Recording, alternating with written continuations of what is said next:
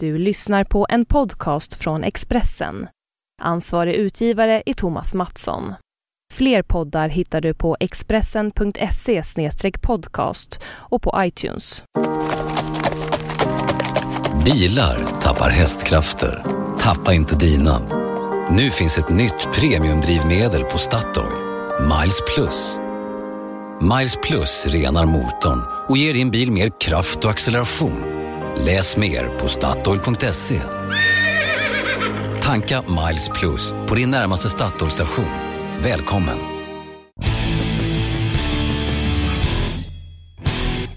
Hej och välkomna till Allt om bilars podcast. Jag heter Jan-Erik Bergen Och jag heter David Jakobsson. och nu sitter vi, eller står i Expressens poddstudio i Stockholm. Jag sitter faktiskt. David fingrar febrilt på sin dator här för att leta fram eh, dagordningen eller punkterna eller Ja, vi har gjort någon slags lista. Det har ju varit lite rörigt de senaste, den senaste veckan kan vi säga. Ja, vi har ju som ni kanske har sett eh, varit och hört varit i Danmark för årets biltestveckan och eh, det var ju fantastiskt. Vi hade tror jag 62 olika bilar, 30 olika modeller att köra. Så vi körde och körde och körde. Vi fotograferade och filmade och grejade och ehm, vi eh, skrev på nätterna och poddade lite här och där Mm. och gjorde en hel massa. Man upptäcker då att, ehm, att det fanns inte så mycket tid för att skriva och sånt. Nej, vi har lite kvar måste vi säga. Men vi har ju börjat nu att pytsa ut undan för undan eh, lite nybilstester och sådär på, på vår sajt, altombilar.se. Ja, vi räknade ihop till Det blev 13 till slut 13 bilar, nybilstester. bilar som vi inte hade kört som var där. Ja. Några visste vi ju såklart om att vi skulle kunna köra där och så. Eh, Så då har vi liksom väntat in dem lite grann. Men det var ju kul. Du- Och eh, vi hade ju ett dramatiskt älgtest som vi berättade om i förra podden Just det, lite grann. det. Vi berättade ju lite om XC90 som överraskade där och vi fick höra av projektledaren om vad han tyckte var, var varför det Mm. gick som det gick. Så det kan ni lyssna på i en annan podd. Mm. Och i en podd så intervjuade vi en Toyota-representant. som Bengt Ahlström. Om, som pratade om i Toyota Mirai, vätgasbilen. Mm. Så den har ni också att lyssna på. Ehm, du stod och filmade älgtestet. Mm. Det, jag, och jag satt vid ratten. Mm. Jag vet att från förra året så är det Det händer lite mer från utsidan faktiskt. Fast det kanske händer allra mest i baksätet. Vi kör ju som, som vi kanske har berättat med full lastad bil. Sitter man i baksätet så kränger det rätt hårt. Ja, Det ser, men det ser rätt intressant ut från utsidan också. Man ser när någon står på framhjulen och lyfter, lyfter bakhjulen i luften till och med. ja, jag tror att jag kan bedöma lika mycket som du kan från ratten där vad som, vad som egentligen händer med bilen. För det, det är väldigt tydligt om det är en harmonisk eh, resa eller inte. Flera av bilarna lyfter ju ganska ordentligt på, på ett bakhjul till exempel. Det är ju för ingen, ingen stor grej men eh, någon bil, eh, vilken var det som, eh, Espace, Renault Espace. Där ser man ju tydligt att det här är någonting som inte är bra när bilen kommer farande. Det kan vi se direkt. Vi kan ju se um, Vi har ju skrivit, vi har skrivit om varje bil som ligger en, en text på vår sajt och det ska Mm. komma upp, upp filmer också Mm. småningom. Men den stora skillnaden mellan bilarna kan man väl säga att bilar med hög tyngdpunkt och mjuk fjädring får problem. Mm. Vissa tillverkare tycker att eh, man ska använda antisladd eller ESP hårt och mycket direkt så man bromsar ner bilen. Mm. Vilket gör den okörbar i det närmaste. Mm. Men man får ju ner farten. Mm. Det kan ju vara bra. Och ehm, sen har väl långa bilar generellt svårt i den banan. Även om det inte är någon Mm. absolut sanning. Det fanns ju ett lysande undantag från den Lysande regeln. undantag, det BMW fanns ju- 7-serien. Ja, den, den är ju väldigt Vi körde vi inte den längsta hjulbasen men, men eh, ändå så är det en, en bil med, som är väldigt lång och den klarar sig galant i Jag tror inte den är allra, allra snabbast men bland de snabbaste. En annan bil, eh, Skoda Superb är också lång. Den har ju en hjulbas på drygt 2,8 meter. Eh, hur gick den där? Den klarade också, sig också bra. Den var en typisk eh, eh, folkvagn kan man säga. De kändes väldigt lika alla de.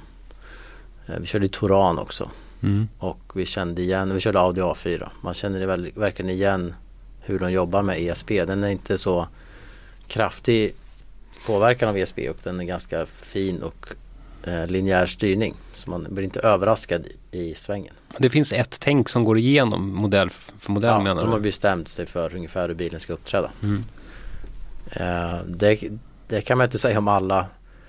Till exempel Ford S-Max kan ju upplevas ganska eh, stor och tung när man inte kör den på vanlig väg. Och styrningen kanske är alltså, lite seg i, i, ja, i början när man bara kör runt. Men när man Mm. gör den här panikstyrningen då var den ju extremt snabb. Mm. Och det blir man väldigt överraskad av. Mm.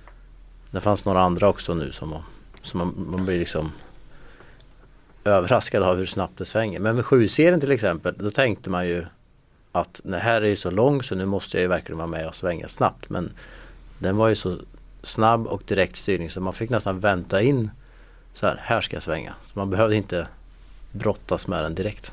Nej. Eh, Ja, den gick vi hade väl, eh, var det Kia Sorento är det som klarade banan i 60 kilometer som var den klart sämsta då om man säger till ren hastighet. Mm. Men det, den är ju ett exempel på när fjädringen är så mjuk så att den ställer till problem. Mm. Espas var ju inte så lysande heller men där, där var det mer en, en ideologisk skillnad det här med att den bromsar ner farten så mycket. Mm. Den jobbar så mycket med ESP så att man, vi kommer knappt ur banan där. Eh, Det är ju faktiskt människor som bygger de här systemen och människor har olika preferenser. Människor Ja. tycker olika saker. Det handlar om allting med en bil. Det handlar om hur en styrning ska kännas och hur en stol ska kännas att sitta i och hur ett ESP-system ska funka. Det är ju rätt spännande att jämföra. Ja, och Sen- här som sagt suvarna har ju ett, alltså det är ju ett problem med dem. Mm. För de ska då, ha, de har en hög tyngdpunkt, de är Mm. oftast ganska långa. Eh, inte alltid men det är ibland. Och sen ska de då vara, ha bra komfort. Men upplevas sportiga. Mm. Så de är både styva, alltså hårda och mjuka på samma gång. Mm. Som vår kollega Åka Mattsson beskrev det på Mazda CX3 att den är väldigt eh, hoppig när man kör. På, på, Mm. alltså, den känner av små saker i vägen. Men när du kommer till långa eh, långa gupp så att säga, lite längre emellan, då är den väldigt mjuk. Då gungar Mm. den fram. Mm. Och det här blir ju då en märklig upplevelse i, i den här undanmanövern. Så Mm. den är liksom hård på ett sätt men ändå mjuk när den väl ja, går igenom fjädringen. Mm. Och det är en typisk kompromiss som man måste göra när man bygger en SUV. Mm. Och det ska vara sportligt och det ska vara bekvämt och det ska vara allt, allt på en gång. Mm. Sen finns det nog lite olika sätt hur, eh, hur biltillverkare hanterar det här med, med ESP. Att må- många arbetar ju ganska länge med bilen helt utan säkerhetssystem. De vill att chassit ska kännas helt perfekt sådär. Nu har vi Mm. kommit så långt vi kan. Sen adderar de ett eh, säkerhetssystem. Eh, men sen så finns det nog vissa som ganska tidigt i produktionen börjar med att liksom eh, sätta in det här ESP-systemet och rädda upp det hela. De räddar upp ett dåligt chassi liksom. Ja. Och, att, och att den, den, den sladd, alltså den kränger inte så mycket eller den, den, eh, den, eh, ja, den bromsar farten istället Mm. för att ta hand om sladden. Ja. Ja, det var väldigt eh, kul att göra testet och vi har väl redan funderingar på hur vi ska kunna utveckla till nästa år och göra det ännu lite bättre. Till exempel så kör vi alla bilar i någon slags normalläge.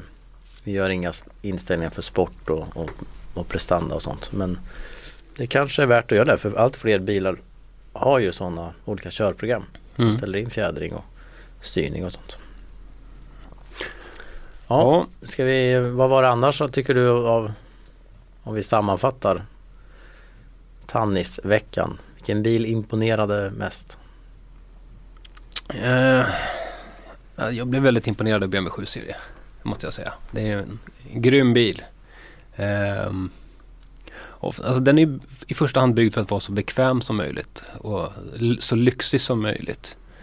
Eh, men samtidigt så lyckas de göra en bil som faktiskt är kul att köra.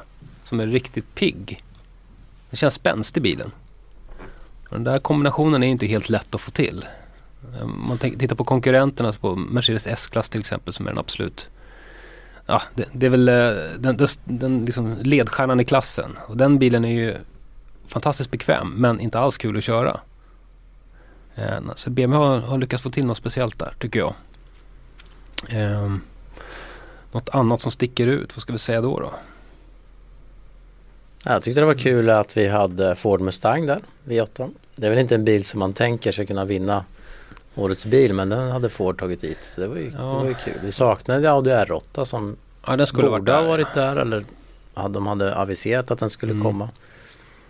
Eh, vi saknade Audi A4 Avant. Vi körde bara sedanen. Men det är å andra sidan en väldigt, eh, en väldigt bra bil. Eller hur? Ja. A4 Avant, eller A4 Sedan. A4 sedan.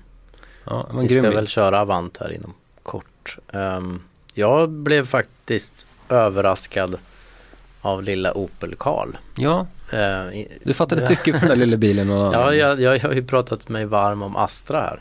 Ja. Och så kom, de- de har ju, de har ju bara gödslat med småbilar Opel. De har ju Adam och, och eh, ja, lilla Corsa och nu kommer det en som heter Karl. Men det var väl, jag vet inte. Det, det var väl inget jättespeciellt med den men man, är, man tänker sig att den ska vara, ja inte så bra så att säga. Men den var ju rätt okej. Mm. Den klarade sig väldigt bra i det här älgtestet också.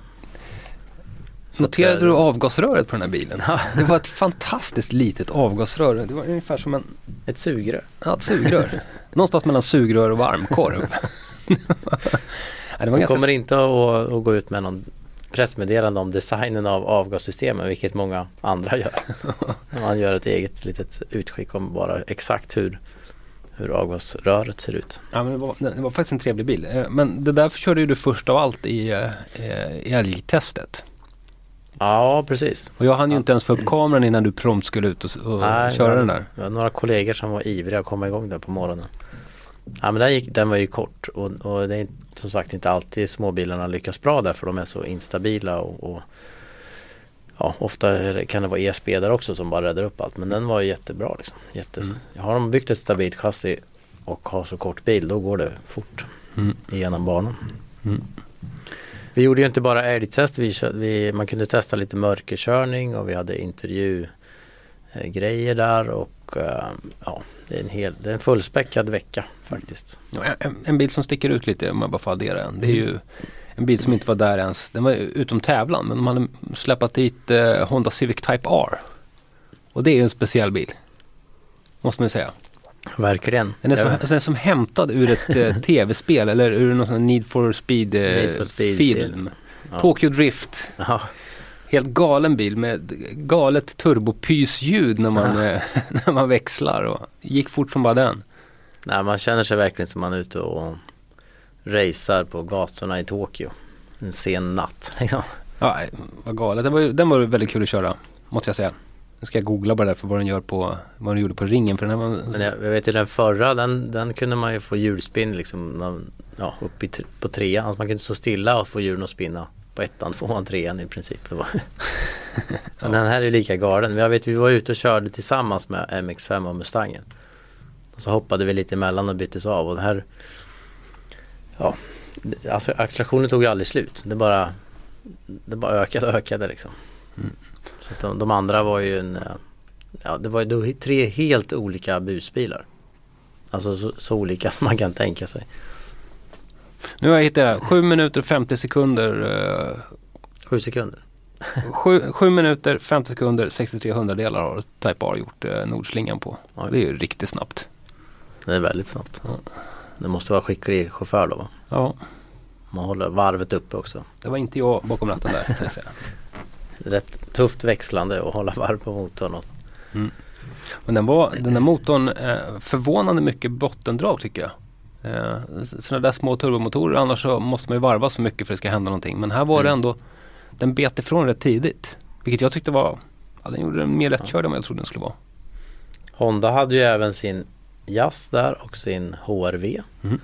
Och både Jazz och HRV tycker jag är, är liksom jättemycket bättre än de gamla. Jag hann inte köra HRV. Jag körde ju HRV i, i Portugal. Eh, nej men jag, gill- de har liksom, HRV har ju varit väldigt tråkig och Jazz ännu tråkigare men nu Jazzen har blivit mer som en liten Civic och HRV har blivit lite tuffare och snyggare Mm. och bättre. Så de har lyft sig lite grann. Mm. Vi pratade ju med, eh, när vi var där så var det ju inte klart om Jenson Button skulle fortsätta i, köra det. i McLaren Honda men vi fick förstod på PR-avdelningen att de gärna ville att han skulle vara kvar. Och nu är det klart att han ska köra ett år till. Mm. Minst. Såg du Formel 1 i helgen? Eh, nej, jag läste lite om det. Det var inget kul för Marcus. Ja, jag började titta men slog av sen. Det var en, en eh, rätt tuff olycka där på lördagen. Men Mm. som gick bra. Mm. Carlos Sainz Jr klarade sig bra. Mm. Eh, ja, om vi ska lämna Ska vi lämna Tannis? Det känns lite vemodigt. Det tar ett år innan vi kommer dit igen. Ja, men vi kan ju prata om lite bilar som vi ändå har, har eh, kört och eh, jämfört med varandra där. Ehm, Vi körde ju till exempel nya Audi A4 mot BMW 3-serien och Mercedes C-klass. Då hade vi med oss en BMW och en Mercedes hemifrån för att vi skulle kunna göra den här lilla trekampen. Ja, trekanten.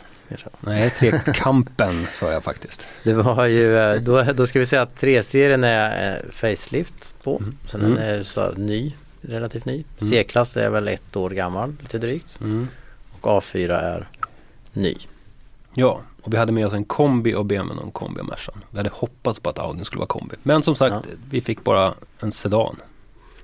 Bara. Men om du ska välja, välja, det är populärt i sådana poddar här. Jag lyssnar mycket på NFL-podden nu. Då är Mm. det alltid så här, kallat game picks. Man ska ta en vinnare i varje match. Mm. Ska ha en vinnare i den här matchen. Och det här är väl en av de svåraste matcherna någonsin. För det här är ju tre fantastiskt kompetenta bilar. Så att någonstans i slutändan så handlar det här mest om ja, tycke och smak och vad man gillar. Vilken stil man gillar. För om man börjar jämföra spesarna på de här bilarna eller specifikationerna så är de väldigt, väldigt lika. Det måste man säga. Och nu ska vi säga att BMW vi hade med oss var ju svårt dopad eftersom den hade 330 det var en 330D, alltså den stora dieselmotorn som är helt ljuvlig att köra. Och de andra hade lite mer beskedliga motorer. Men eh, BMWn är för mig den, eh, den bil som är roligast att köra. Den är oerhört tight. Eh, man vet precis var man har den. Eh, och eh, Mercedesen är väl den som är skönast att åka i tycker jag. Och Audi är någonstans mitt emellan de här som, som det brukar Mm. vara. Eh, Det är lite vilken, vilken sida man vaknar på. Mm.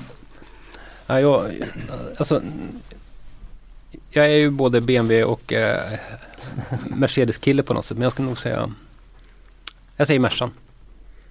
Bara Ja. för att man åker så bra i den. Mm. ja, man åker riktigt skönt. Men sen ska Som jag säga sagt, så här. jag tycker att de har blivit bättre också. De, jag tror vi pratade om det i någon podd där, att de Mercerna har blivit mer åt BMW-hållet. Mm.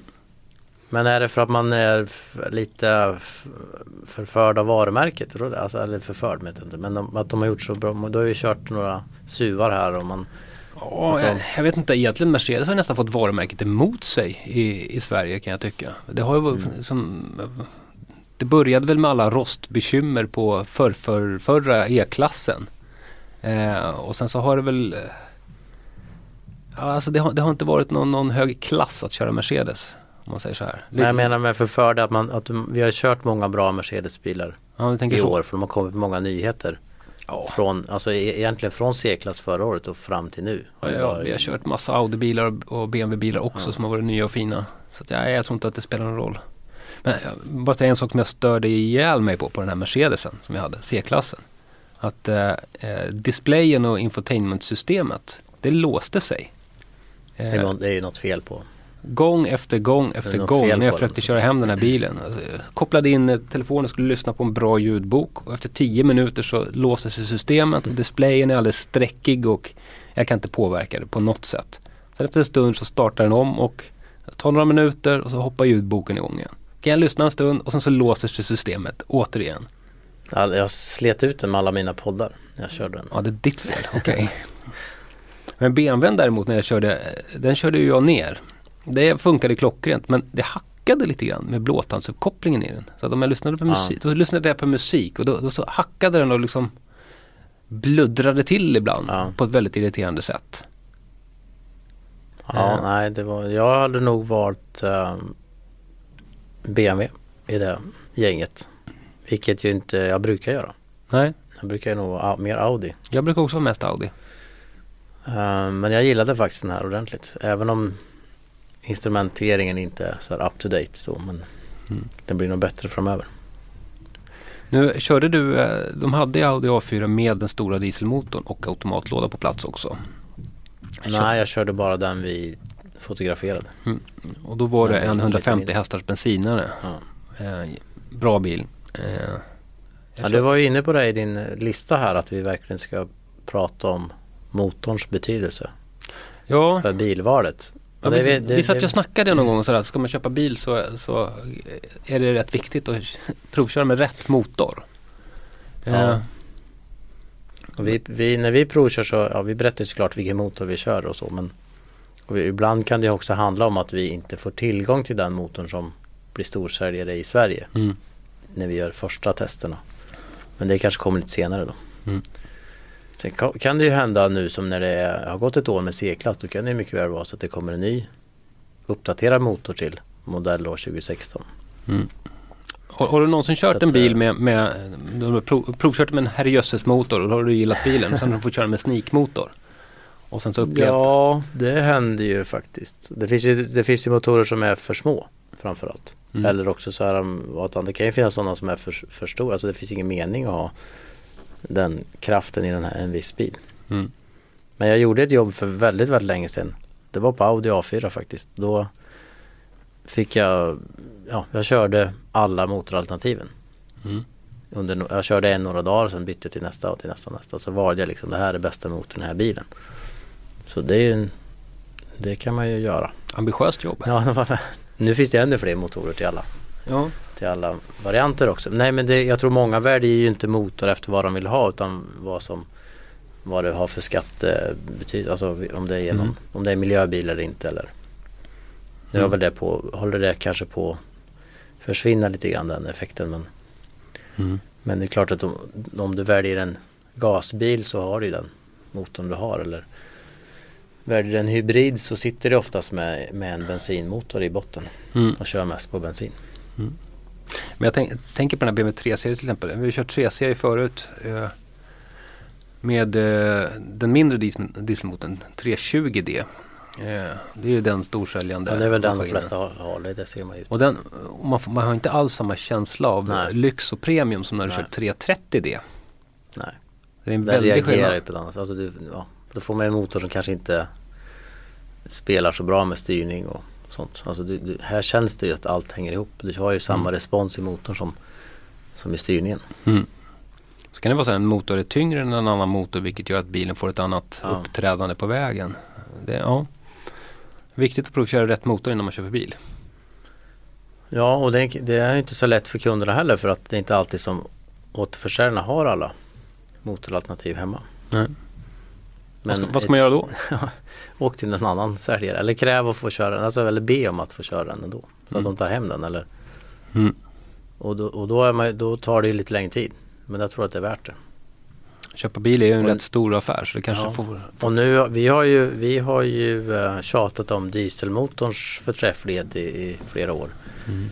Och så har det ju varit men Men nu är det ju, nu är ju bensinmotorerna gjort ett bra ryck. Mm. Så nu tycker jag absolut man ska gå tillbaks och, och, jämföra med bensinmotorn. Gillar jag den här eller?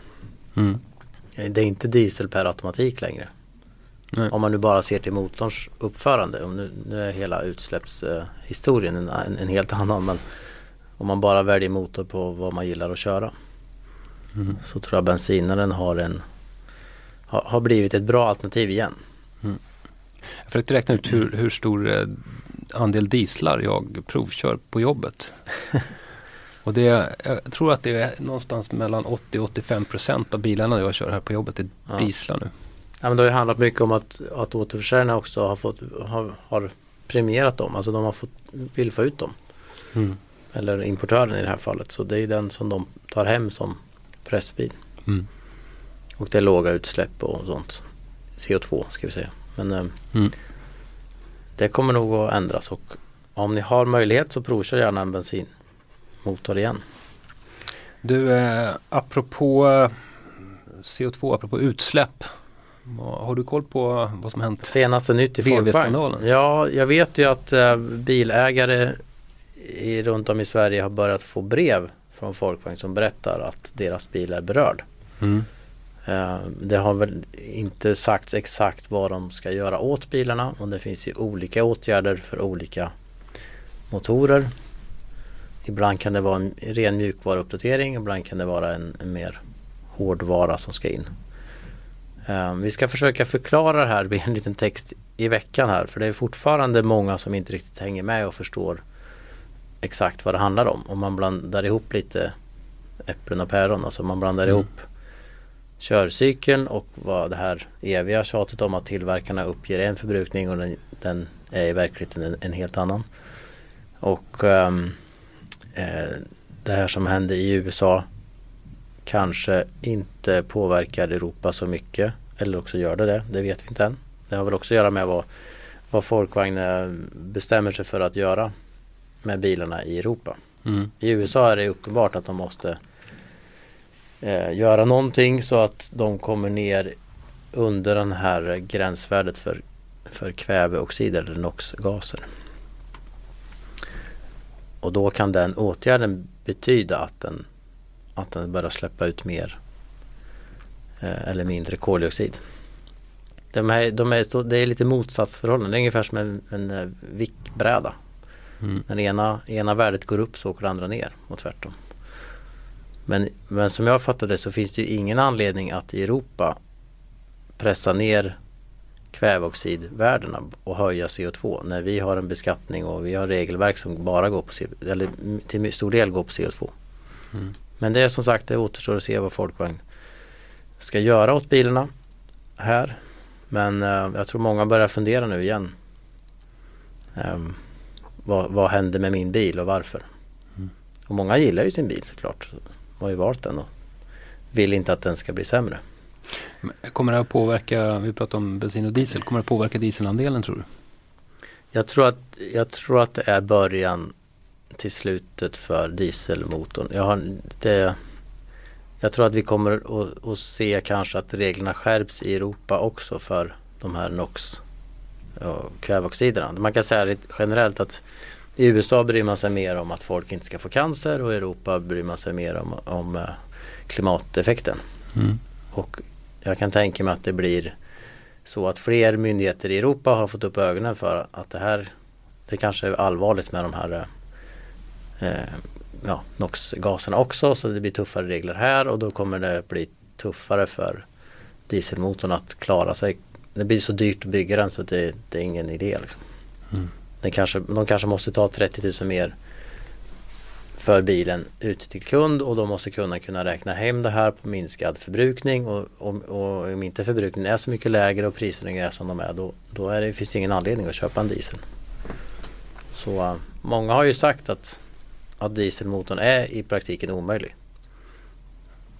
Uh, och de verkar ju få rätt nu. Nu fanns ju en Bob Lutz, kanske kommer ihåg en gammal GM-chef och en, en väldigt frispråkig herre som när jag intervjuade honom på um, en bilsalong i Detroit Det här var ju ja, tio, minst 10 år sedan, mer kanske 15 år sedan Så dömde han ut isen fullständigt så det finns inga planer på att det här ska kunna gå Du måste bygga en kemifabrik under huven för att kunna rena allt som du behöver rena mm. och det kommer att bli för dyrt Och alla skrattade åt honom och sen Sen verkar det som att han till slut fick rätt då. då. Ändå har vi ju kört diesel nu då Väldigt mycket i Europa Ja, det har ju varit en 60-40 fördelning va?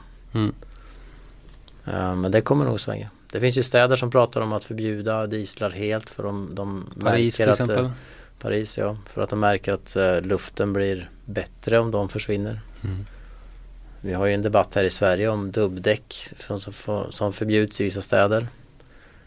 Och det kan man ju tänka sig att det går vidare och ser man då ett, ett samband mellan dieselmotor och dålig luft vad gäller cancerogena partiklar, ja då, då är vi kanske där också att vi, vi kommer få ett förbud eller högre skatt, i, ja, högre träng, trängselskatt och så.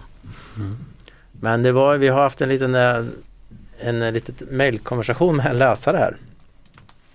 Som, som jämförde, det kan man ju lätt jämföra, alltså förbrukningssiffrorna på en eh, Passat i USA jämfört med i Sverige med samma motor. Och då är det ju hög, klart högre förbrukning i USA.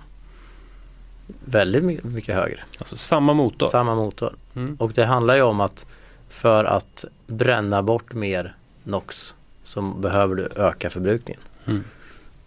Öka bränslegenomströmningen. Så det var ju mycket, mycket högre CO2-värden för samma motor i USA än i Sverige. Men igen, vad är det som säger att de måste köra USA-specifikation på motorn i Sverige? När reglerna inte är de samma.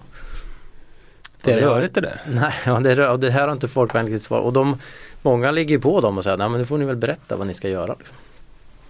Men det är inte så lätt för dem heller. Nej. Men vi ska försöka vårt bästa och så håll utkik på vår sajt här att vi ska göra en så här lite enkel eh, lista med det här är det som gäller och så här fungerar det. Ja, vi får följa, följa Ja. upp det där många gånger tror jag. Du, eh, får jag återvända lite till Tannis bara? Ja, Vi pratade om bi bilar som har satt av, som, som har liksom gjort intryck på oss. En bil som du tycker mycket om, det är ju Mazda C eh, MX-5. Nej, jag vet inte om jag håller med om det. Vi får väl vi, ska, vi har gjort en TV, tv-inspelning, eller litet, Mm. litet eh, prov på den bilen och den, ja, som jag sa när vi stängde av kameran, det här kanske var den ultimata sågningen av en bil. Ja, du verkar Nej, inte helt nöjd där. Nej, det är väl, jag vet. Det är väl en rätt kul bil på sitt sätt. Men jag, jag tror jag har, jag har svårt för bilar som, som inte är som de ser ut. Alltså där det bara är ett skal. Vi pratade om det igår när vi gick ut med hunden så kom det en Jeep Wrangler. Det är ju samma sak där. Den ser ut att kunna bestiga Mount Everest. Liksom. Så vet man att ja, men det är ju inget, det är inget speciellt prestanda i den där. Det är bara yta, det är bara ett skal. Varg fårakläder eller? Ja, och det är ju samma med MX. Den den ser jättecool och tuff ut men den går ju inget fort liksom. Det går ju inte ens nära fort. Nej. Det går inte att köra fort med den. Men det den- känns fort. Ja det känns fort men det gör det ju i en hyrkart också. Liksom. Den är inget tuff för det. Sen var det här en cabriolet så att det, det, var, det gjorde Ja. inte saken bättre. Ett jätteminus för dig, du gillar ju Ja. inte sånt. Nej. Men nu eh, har du ju en riktigt ärtig bil i garaget. Nu har vi en Fiat 500 eh, Vintage heter den till och med. Ja, Jag tycker den är jättecool. Kul bil. ja men lite sådär pastell. Den är ju precis blå. som den ser ut. Det är bara en kul bil, lite retro, lagom retro, snygg retro stil Ja. på den. Och den, är ingen, den, den, är, den ska bara vara liksom kul att fara runt med i stan. I stan ja, men du ska åka till Göteborg i den, är det så? Jag vet inte om vi åker till Göteborg den. Men, men den är ju precis vad du, vad du ser. Ja. En accessoar. Ja precis, det är som en handväska att fara runt med. Mm.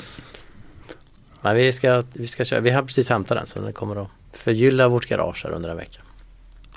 Spännande, spännande. Eh, Vi såg ju, när vi hade hämtat den såg vi Mini Clubman som snurrar runt. Den körde vi ju i Tannis också. Men Just de har det. ju sin världslansering i Stockholm. Så Mm. ni har vägarna förbi Stockholm och ser massa Mini Clubman så väl beror det på att här lanseras bilen för hela världen. Jag tror det var Mm. 6000 hotellnätter ska, ska den eh, lanseringen generera i Stockholm. Herregud. de ska ligga här i flera veckor. De hade 300 plus journalister tror jag som, hade, Mm. som var här, eller har varit här, eller ska hit.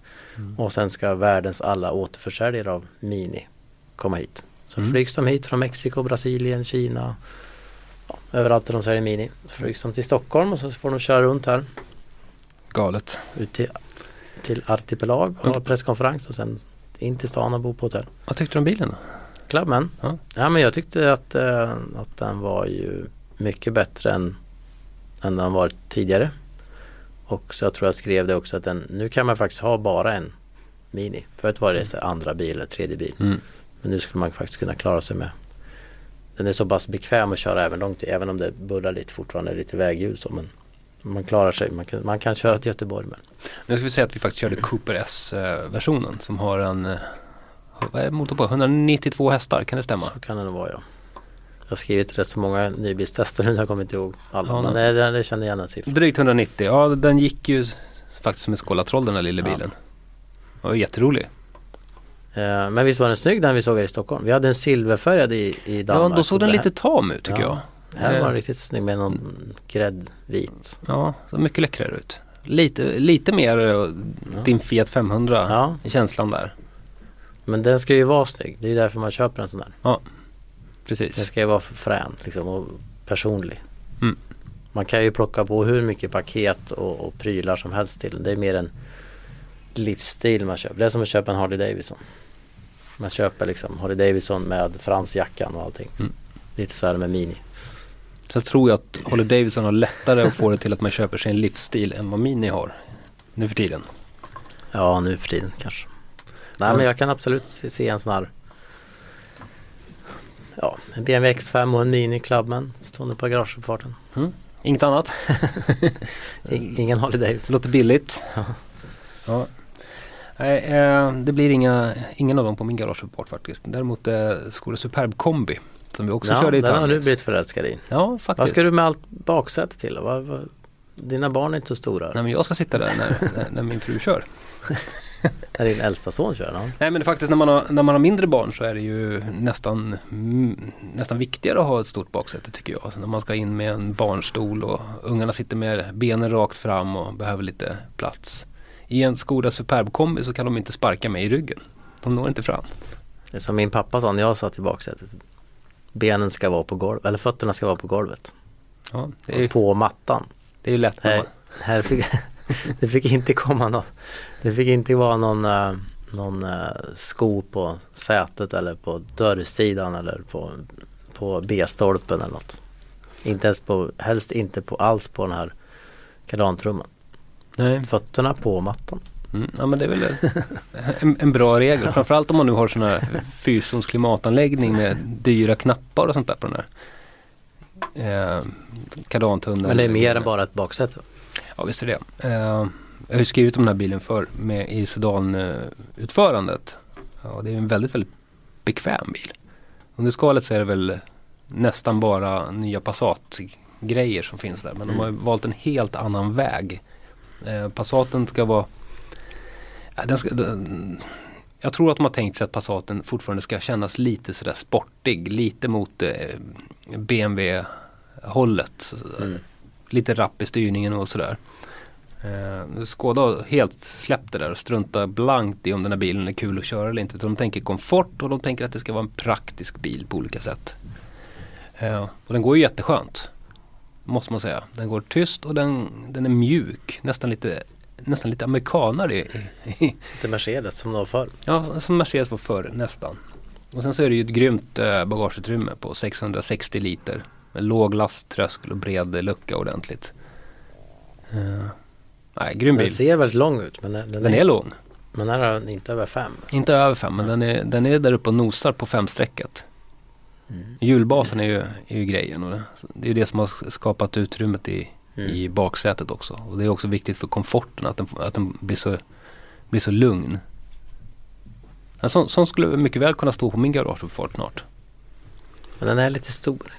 Downsizing är inget, inget Du, BMW X5 snackar du om på din garageuppfart precis. Ja men mini så.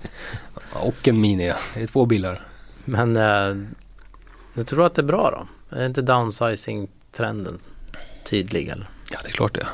Det är klart det. Alltså jag cyklar ju egentligen helst. Men, men eh, Men det kanske är de här De här eh, V70-köparna lockas väl av det här. Som inte behöver gå neråt i storlek. ja. Det finns ju en grupp, eh, vi har ju några här på jobbet som har haft V70 som tjänstebil jätte- jättelänge. Mm. Så kommer de nu krypande, ja men jag behöver ju inte så stor bil egentligen. Och så. Nej. Ja men vad ska du göra? Ja men jag kör någon så här jordsäck ibland. Ja men då kan du ju ha en annan kombi, en mindre kombi. Liksom.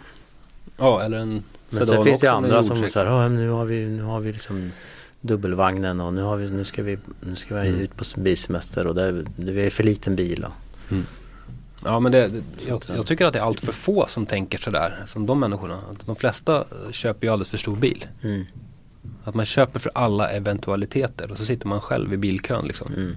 Och släpar runt på ett halvton skrot extra. Den kanske ska ha en sån här Fiat 500 Med takbox. med takbox. det är ju bra. Nej men en liten bil med dragkrok och sen så hyr man ett släp när man behöver. Mm. Det går ju. På tal om takbox så, så jag kanske berättade att jag var på testanläggning där i Härryda. Och sen i en annan podd så råkade jag förväxla Härryda med Hällered. Ja, ja. Men Volvo är på Hällered, Thule i Härryda. Som skrev. ja, ja okej. Vi, Jag trodde vi skulle in på ditt favoritämne takboxar igen här. vi pudlat lite där. Ja. Rättat till. Rätt ska vara rätt. Men pratade vi speciellt mycket om det där besöket? Fick vi, fick vi, har du berättat nu vad kommer hända med takboxarna framöver? Vad är de stora grejerna? Stora grejerna? Nej, det, det vet jag inte riktigt. Ehm, jag, så, jag noterade att några killar där försökte stänga en takbox som de höll på och testade och då blev det här klassiska att man att man, att den, man trycker ner den en- på ena sidan så åker den upp på andra sidan så får Mm. man inte igen låset. Så det, är- där har de en utvecklingspotential. Mm. Jag tycker de ska försöka få till det att man ska kunna stänga en takbox med en hand. låsa den med en hand. Fjärrkontroll? Det, ja, gärna. Eh, det tycker jag ska vara målsättning. Mm. För nu måste man ha två händer, man måste hålla ner Egentligen behöver man ha tre händer. Man behöver hålla ner den fram och bak och sen behöver man vrida på nyckeln. Mm. Så att det, det är inget bra. Det var ju en På, tal- skön... på tal om det, luckor och så. Eh, min hade ju cool baklucka. Mm. Dubbla, dubbeldörrar bak och man trycker en gång på fjärrkontrollen så öppnas ena. Och trycker man en gång till så öppnas andra. Mm. Det var ju fränt. Mindre fränt är ju faktiskt att man kan Mm. råka stänga dem där i fel ordning. Är det inte så? Ja, man, våld, man kan inte stänga dem men man kan försöka och Man kan förstöra dem. förstöra dem. Ja. Trycka igen. Men eh, hur ska man, det måste ju vara så att man kan. Alltså att, att Det måste ju vara så att man inte kan stänga dem i fel ordning. Ja men må, hur ska de lösa att, att jag liksom forcerar ihop dem? Försöker och Men att en inte ska kunna gå och låsa. Den Ja, ena ska inte gå och låsa fast liksom. Jag vet inte men om man stä- stänger den högra och sen så klappar man igen den vänstra då får man ju en, en, eh, En en ful lucka. Det kanske inte är så smart det där med dubbeldörr egentligen. Det kanske mest är tufft.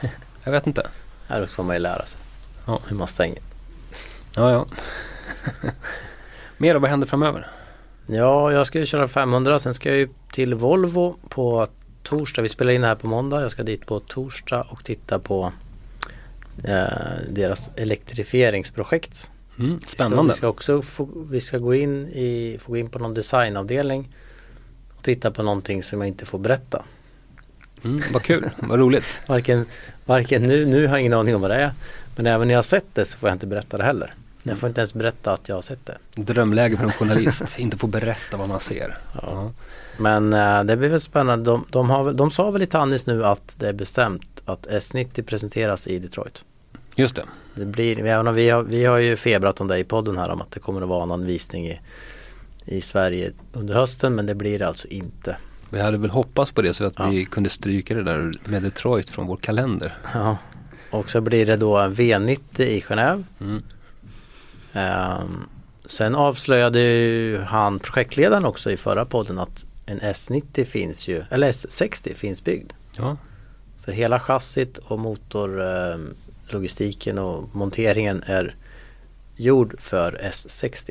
Alltså Ja. den minsta bilen i hela spa-plattformen. Jag tyckte det var spännande att han berättade att de börjar med den minsta. För att det, de måste göra så. Börja med den minsta för att det är enklare sen att skala upp det hela än Ja. att skala ner. Att De har så ju att en, en, en S60 är redan klar. ja den kör de runt med.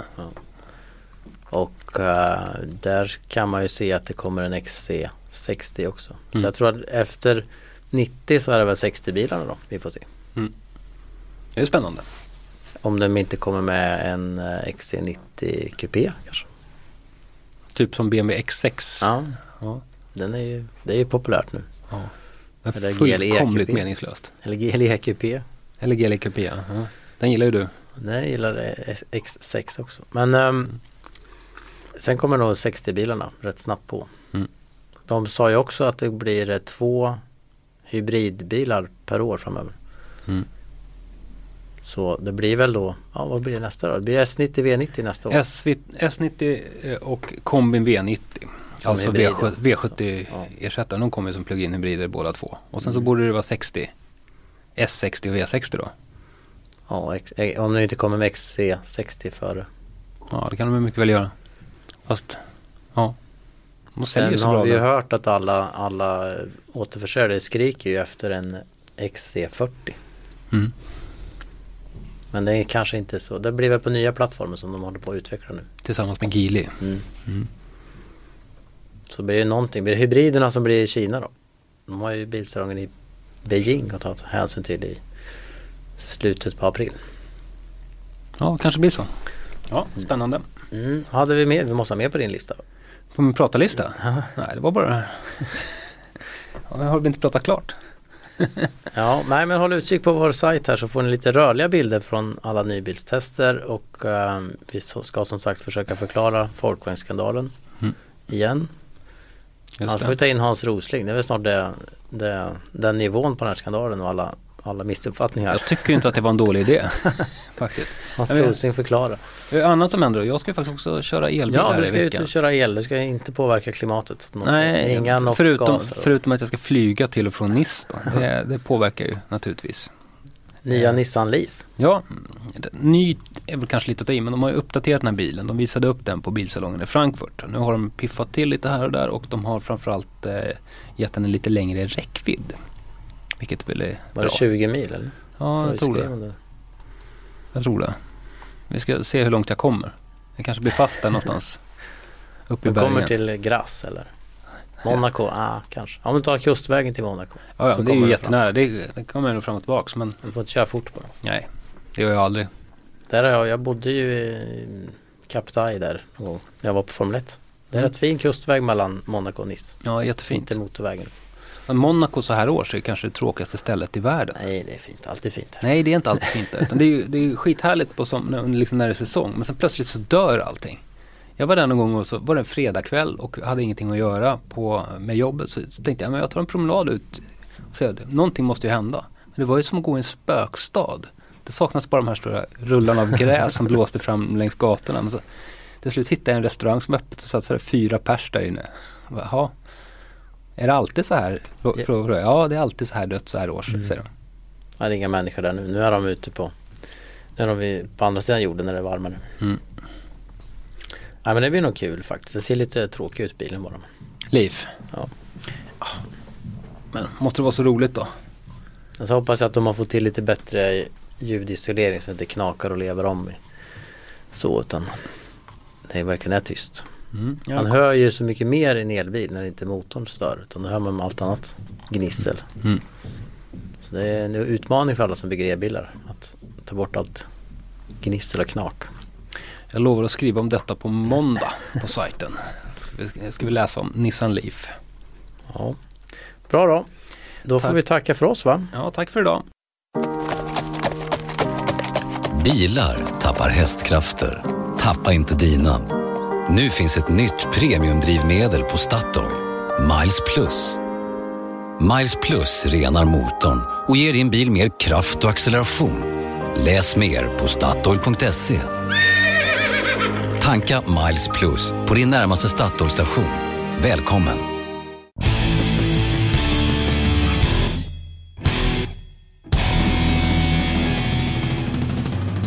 Du har lyssnat på en podcast från Expressen. Ansvarig utgivare är Thomas Mattsson.